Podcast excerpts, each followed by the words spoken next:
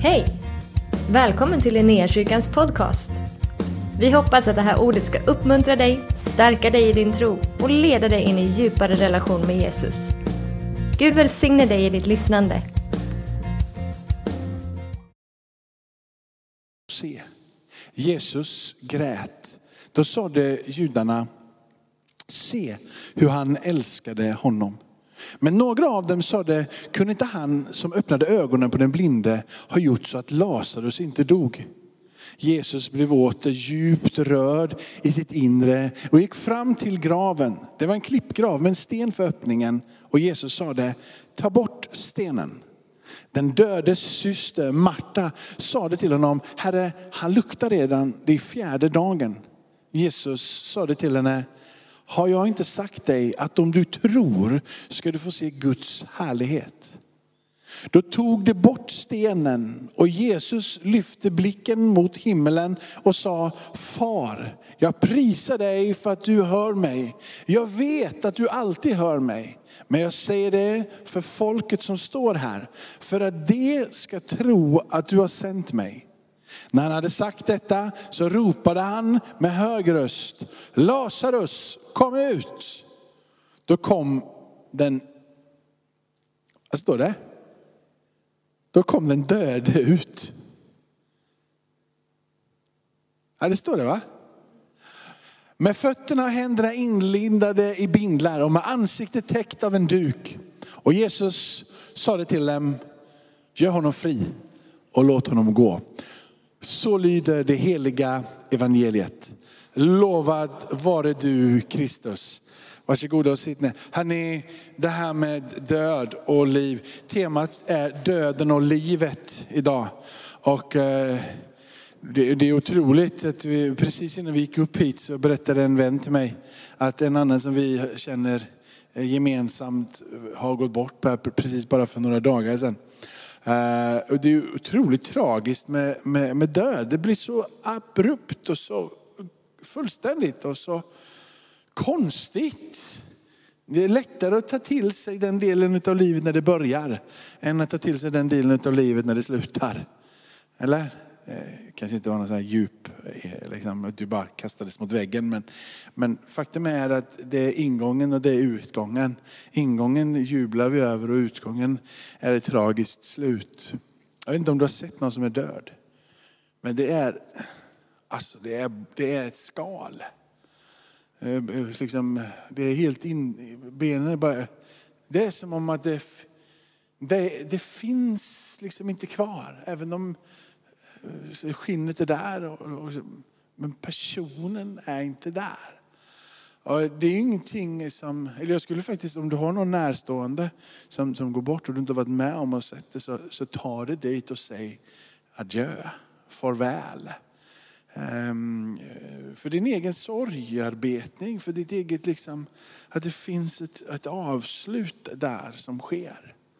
Och det är så konstigt för oss människor hur vi reagerar på det här, men det är ilagt oss en förståelse över det här slutet. Men det är också ilagt i oss en eh, längtan om att det finns någonting mer. Bibeln pratar om att en evighet är lagt ner på vår insida. Det finns någonting på insidan av oss som säger att det där skalet är borta, ja, men, men den där som var innanför där, själen, det som är livet, mm, det på något sätt finns där. Men när det slocknar så slocknar det och vi gråter. Vi satt på och kollade på en film i, i helgen med vår minsta kille, minigubben i familjen, han är 11. Alla älskar honom, alla tar hand om honom. Han är sjukt bortskämd. Han kommer bli så jobbig när han blir äldre. Men han ska få bli så bortskämd. Vi har ju bara han. Eller hur? Liksom? Det finns ingen, så vi kör järnet med att skämma bort honom. Man får göra som han vill och allting liksom sådär. Det finns inga regler utan vi bara låter han vara. Um, sådär, va? Men så är det så här då, vi sitter och kollar på denna filmen. Han, han har på något sätt något eget system på sin insida. Så han, han vet ju var gränser finns, och så där, även om inte vi har några gränser. Så, så på något sätt så förstår han det. Så att han är lite rädd för saker. Han gillar att skjuta när han spelar eh, tv-spel. Det är helt okej. Okay. Men sätt inte på en film som är för läskig. Liksom, jag försökte sätta på eh, Pirates of Caribbean. Och bara att se han, vad han nu än heter, vad heter han? Johnny Depp eller vad han heter. Ja. Han går omkring där och han är konstig, han är skeptisk. Alltså, det där är lustigt. Det där gillar han inte, håller lite på avstånd. Så går det på Spindelmannen. Han älskar Spindelmannen, fantastiskt. Men pappan blir ju dödad i den här filmen. Första filmen, den som kom ut 2012 eller vad det nu än var. Och lilla Elton, han kommer inte lyssna på detta. Så att, ni behöver inte tala om för att han ska lyssna så att jag pratar om honom och säljer ut honom. Men lilla Elton, han grät. Han sitter i soffan. Det är bara strömmar floder ner för hans kinder. För den här pappan dör i filmen. Han bara, det är så tragiskt. Kan inte, slå, jag kan liksom inte få honom att sluta gråta. Han bara grå. Vill att vi ska stänga av filmen. Nej, den är bra. Jag vet att det kommer bli bra på slutet. Liksom. Jag vet att Spindelmannen är en övervinnare. Liksom. Jag vet att Spindelmannen kommer klara detta. Men det är så tragiskt med döden. Det rinner ner. Tårarna. Bara störtfloder. Ohejdbart. In i denna situationen kommer Jesus. På verkligt, det är ingen film nu. Jesus kommer och Lazarus död. Och jag ser framför mig Marta och Maria och alla judarna som är runt omkring. Dessa floder som strömmar precis som på Eltans tårar. De gråter ohejdat. Och innan så har de kommunicerat med Jesus och pratat med Jesus och försökt tala om för honom, hade du bara varit här.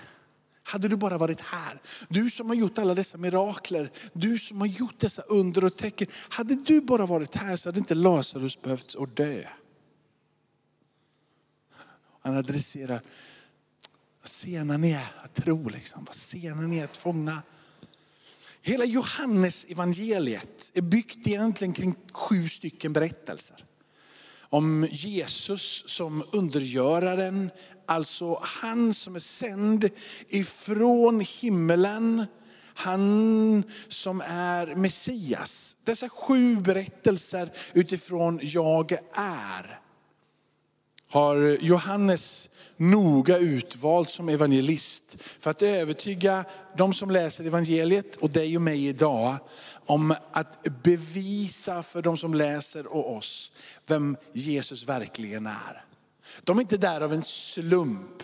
Det är inte som Lukas som försöker skildra ett, liksom ett skeende i lite mer tidsordning och med, backa upp det med trygga vittnen. När Johannes gör det här så tänker han, det enda jag vill göra det är att jag vill tala om för läsarna att Jesus är mer än bara en människa. Han är Guds son, nedkommen ifrån himmelen. Det är han som bär uppståndelsen och livet och döden hade ingen makt över honom. Det är vad Johannes vill. Och I den här berättelsen så tror jag han har valt den med noga omsorg. Det finns några till berättelser i Bibeln om där människor dör och uppstår ifrån det döda. Jesus är dock den enda som dör och uppstår för att aldrig mer dö. Johannes uppstod ifrån de döda för att dö igen. Jarios dotter uppstod ifrån de döda och kommer få dö igen. Och så finns det någon mer berättelse. Sådär. Men det, de, dör i, de dör igen. Men Jesus dör och uppstår för att aldrig mer dö. Så det finns några berättelser, men Johannes är noga med att det är den här berättelsen han väljer. Den här berättelsen väljer han för att visa på att Jesus är uppståndelsen och livet. Så står det i kapitel 11, i vers 15. Jesus säger, jag är uppståndelsen och livet. Och den som tror på mig, han ska leva om han än dör. När Jesus talar om sig själv så pratar han om att han är livgivaren. Han pratar om att det är han som är det brödet som kommer från himmelen och som ger liv. Vi lär oss genom skriften och genom epistlarna hur döden inte kunde hålla fast Jesus. Hur döden inte kunde övervinna Jesus utan istället hur Jesus övervann döden. Hur Jesus krossar den onde och tar strypgrepp på döden. Jesus pratar om den som tror på mig ska ha evigt liv. Om han lever eller om han dör ska han än leva. Att nyckeln till det där livet tillsammans med Gud, den finns med honom. Han är uppståndelsen och livet. Och så kommer det dessa floder och strömmar ner ifrån de här människorna som är runt omkring. Och jo, Jesus gråter också. Du vet att när döden kommer och när du går igenom en tung period av ditt liv, där du känner dig halt på insidan eller det finns död på utsidan. Om depressionen är där, sorgen eller kanske sjukdomen som du helst av allt skulle vilja slippa. Så finns den här berättelsen där, inte bara för att tala om för dig och mig att han är uppståndelsen och livet, att det finns auktoritet i hans namn. Så när Jesus kallar på det som är dött att komma ut, och så går den döde ut, han som nu lever. Inte bara för att du ska igenkänna auktoriteten från den högsta. Men det finns någonting i Jesu omsorg om Marta, Maria, Lazarus. Inledningen så sägs det här att Jesus höll dem kär. Han tyckte om Marta, Maria och Lazarus. Han uppskattade att vara i deras närhet. Och när de nu gråter så gråter Jesus. Det säger ganska mycket om denna man med den väldiga auktoriteten. Den mannen som besegrade dödens udd och kom och gav liv. Att han inte bara är ute efter att sätta sig högt upp på Faderns högra sida och regera ifrån evighet till evighet. Utan också är den där eminente närvarande. Han den där guden som kommer så nära och tar dig i sin hand. Bibeln och meddelandet som kommer ifrån Gud till oss är inte en instruktionsbok. När Jesus säger så här, jag är vägen, sanningen och livet, som vi läser ifrån kapitel 14. Jag är vägen, sanningen och livet. Så menar ju han när han säger att han är vägen. Han är den som du är menad att vandra tillsammans med. Du, han säger inte bara att där borta har du en vägbeskrivning långt där borta och när du följer den vägbeskrivningen så kommer du hitta rätt. Utan han säger så här, det menas på det här sättet att när du vandrar med mig så kommer du att komma till Fadern. Ingen karta han ger. Google Map liksom. Utan han tar dig vid handen och vandrar tillsammans. Jag är vägen. Vandra med mig, gå med mig. Känn med mig för jag känner med dig. Lid med mig för jag lider med dig. Våga vara tillsammans och vandra på min väg. Och när han säger att jag är vägen, jag är sanningen, så säger han, det är jag som är budskapet. Det är jag som kommer och uppenbarar för dig fullt ut vem Gud är. Jag är budskapet. Titta på mig hur jag lever, hur jag är. Jag är budskapet. Du behöver inte leta där borta eller där borta för några fina vackra ord. Titta på mig, hur jag är. För det jag säger, det är jag. Och det jag gör är jag, säger budskapet är han. Jag är vägen, jag är sanningen och jag är livet. Han är livet själv. Om nu Jesus är vägen och budskapet, alltså sanningen som jag precis har sagt. Och om han nu säger att han också är livet, så är han också den som regerar över döden. Han är den som har makten över livet och döden. Han är nämligen livet själv. Allting strömmar ifrån honom. Han är upprätthållare av allting. Allting är skapat till honom, allting finns till genom honom, allting är till för honom. Han vandrade ner här för att bli ett med dig och mig. För att döden inte längre skulle kunna ha något grepp. Så när Jesus kallar på den döde, kom ut. Så betyder det på samma andetag att det också betyder att när Jesus talar in i ditt liv över det som är dött i ditt liv, så kommer det komma ut ur ditt liv. Och du och jag, vi behöver höra den här rösten. Och vad är det Jesus behöver kalla på i ditt och mitt liv som behöver komma ut ur ditt och mitt liv? Så att det som är dött i ditt och mitt liv får komma ut ur våra liv. Och landa istället i att han får vara vägen, sanningen och livet. Han som är menad att vara tillsammans med i alla vägar, på alla vägar. Han som är budskapet. Så när Jesus adresserar här och tar in dem i den här, så ser vi hur Jesus möter sorgen tillsammans med dem. Jesus möter sorgen tillsammans med dem.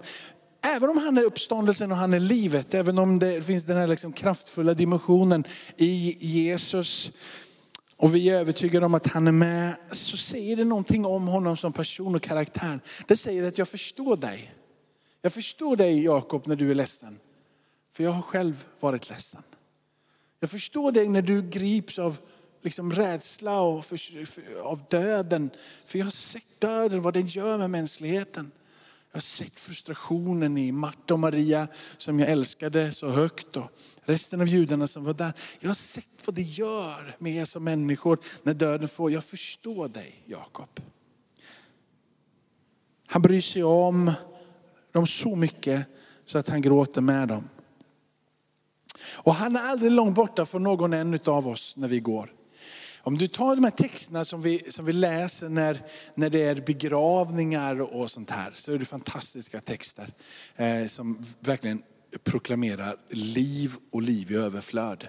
Att komma på en, på en begravning eh, som, som, där det är någon som har, har bekänt Jesus som Herre, så är det sorg i rummet. För det är en saknad som finns där. Men Bibeln säger att vi behöver inte sörja på samma sätt som de som sörjer där ute. Och så pekas det emot att den där korset som är där, det är hoppets symbol. Att det är tecken på att det finns någonting mer. Och det är det som Gud vill väcka på din och min insida. Att det fick vara en motor. Det finns någonting mer. Och Jesus representerar det.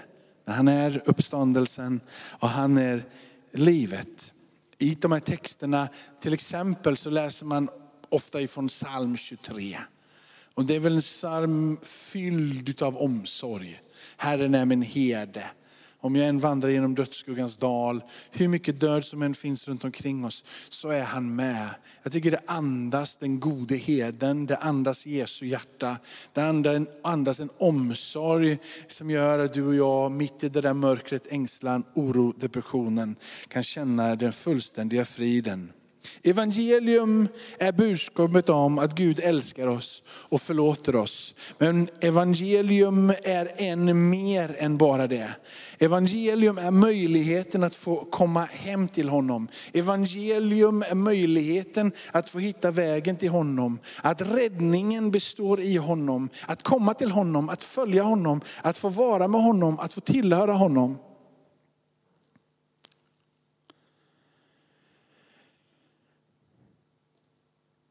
Han vill att du ska förstå att han känner med dig. I sorg och i smärta och förtvivlan. Han vill att du ska förstå att han har makt över död och liv.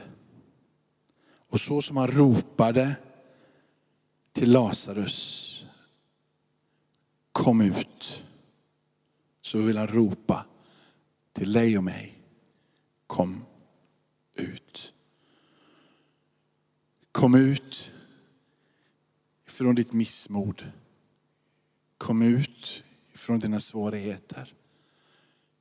Kom ut ifrån din besvikelse.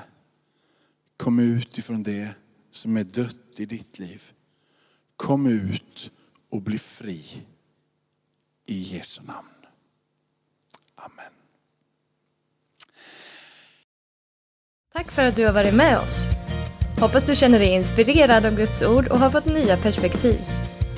Hör gärna av dig till oss och berätta om Gud har rört vid dig på något sätt. Vi är så glada att få höra vittnesbörd om vad Gud gör. Du kan mejla oss på adressen info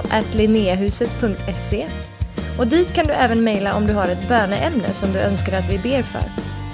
Eller om du har tagit emot Jesus och inte har någon bibel så vill vi mer än gärna skicka en bibel till dig. Skicka ett mejl med ditt namn och dina adressuppgifter till info.linneahuset.se så ser vi till att du får en. Om du vill ge en gåva till Linnéakyrkans arbete för att nå fler människor med evangelium så kan du swisha till 123 520 0993. Du kan också besöka oss på linneakyrkan.se för att få mer information. Välkommen tillbaka att lyssna snart igen.